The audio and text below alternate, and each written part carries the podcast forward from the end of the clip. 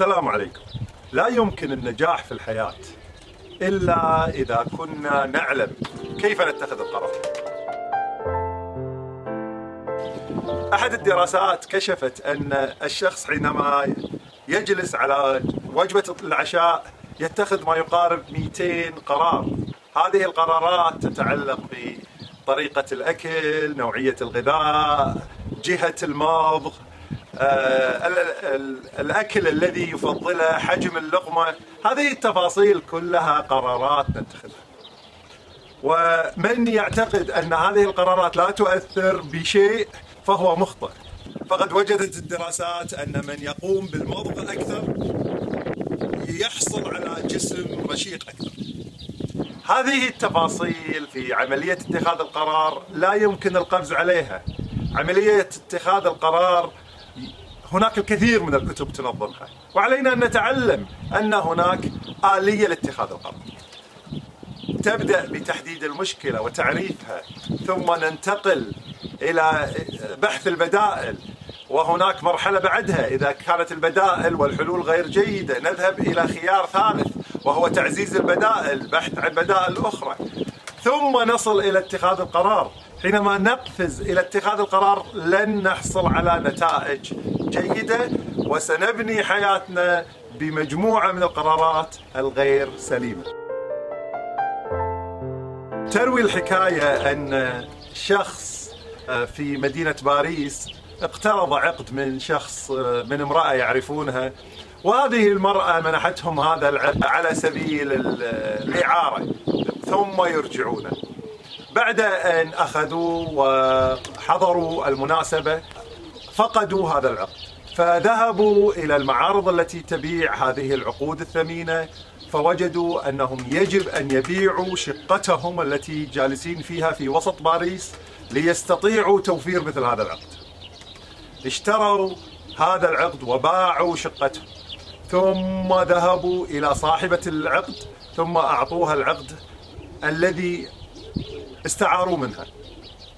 بعد عشرين سنة هذا الرجل تحول إلى حمل الأمتعة في السوق وزوجته أصبحت خادمة في المنازل.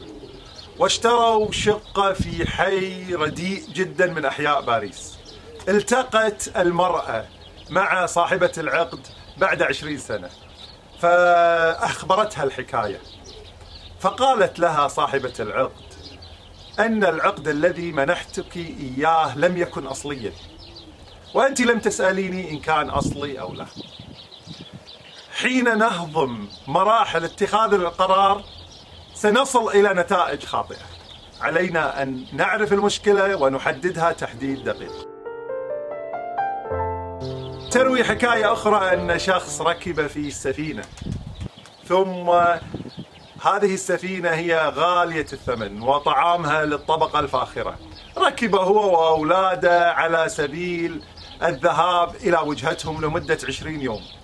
أخذ حقيبة بيده ثم ملأها بالطعام لأنه لا يستطيع توفير قيمة طعام داخل السفينة.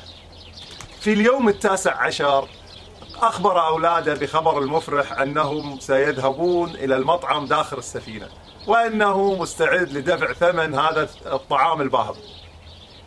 ذهب ذهبوا وجلسوا في طاولة الطعام وطلبوا الطعام اللذيذ ثم طلب الحساب. أتاه النادل وأخبره أن جميع الطعام في جميع المطاعم مجاني لأن سعر التذكرة يشمل ذلك. حينما نختزل خطوات اتخاذ القرار سنصل لهذه النتائج. ولذلك علينا أن نعلم أنه هناك مراحل لاتخاذ القرار. القفز للنتائج. هو أمر تحثنا عليه أنفسنا في كثير من الأحيان، لا نسأل، لا نشاور، والرسول صلى الله عليه وسلم كان يفعل ذلك. في غزوة بدر كان الرسول صلى الله عليه وسلم يسأل أصحابه عن الرأي فأجابوه أشاروا عليه أن يتعدوا الآبار ثم يخيموا في هذا المكان. وكان الرأي السديد. المثل الكويتي يقول إذا ما في أحد تشاوره ضع عمامتك وشاورها وكذلك هي الحياة. لا يمكن النجاح فيها إلا بمعرفة خطوات اتخاذ القرار. ومن ضمنها المشورة. نلتقيكم مع أسرار النجاح. السلام عليكم ورحمة الله.